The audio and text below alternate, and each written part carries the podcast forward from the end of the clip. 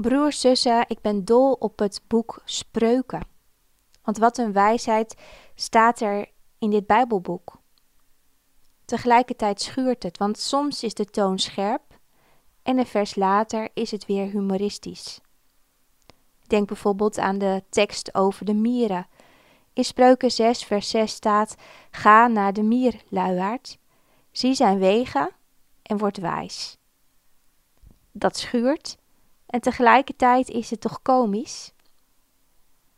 Als je een luilak bent, dan word je in dit Bijbelgedeelte aangesproken en krijg je de tip om naar de mieren te gaan. Ja, zie je het al voor je?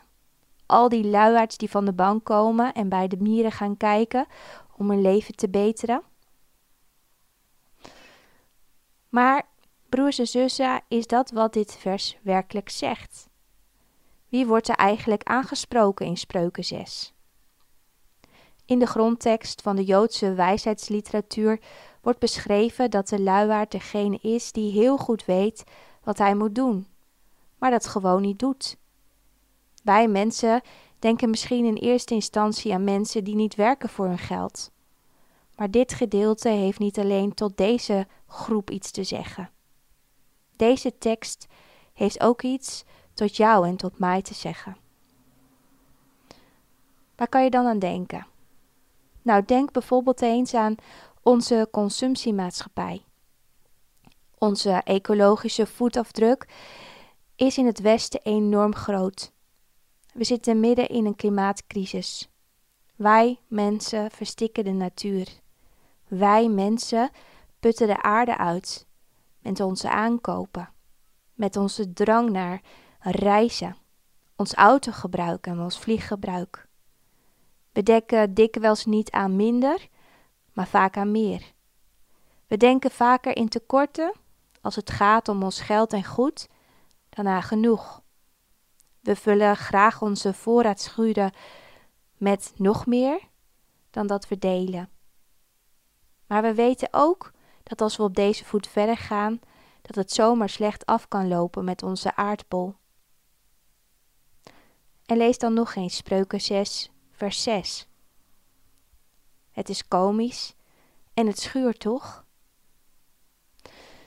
Je kunt bij deze tekst ook denken aan mensen die hun lichamen vullen met ongezond voedsel of hun lichaam blootstellen aan te veel zonlicht.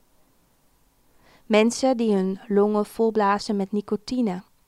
Of mensen die een grote aanslag op hun lichaam plegen doordat ze zich aldoor meer storten op hun werk en hun bezigheden, zonder dat ze tot rust kunnen komen. En lees nu nog eens Spreuken 6, vers 6. Het is komisch, maar het schuurt toch? Broers, zussen, deze tekst uit Spreuken gaat over ons. Over ons mensen. Mensen zoals jij en ik, die iedere dag weer iets te kiezen hebben. Wat doe ik? Wat laat ik?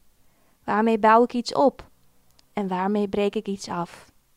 Ga ik voor mezelf of ga ik voor het collectief? Op Wikipedia staat dat mieren zich kunnen aanpassen aan verschillende leefomgevingen. En ze behoren hierdoor tot de succesvolste diergroepen. Dat maakt dat God ons aanspoort om naar dit dier te kijken. Deze dieren weten blijkbaar wat ze moeten doen om te kunnen blijven leven. Spreuken 6 wil je daarom broers en zussen aanmoedigen om je energie te gebruiken voor de goede dingen. En daarom kijk eens wat vaker naar de mier. En vraag jezelf eens af: wat moet er in mijn leven anders, wat ik eigenlijk wel weet?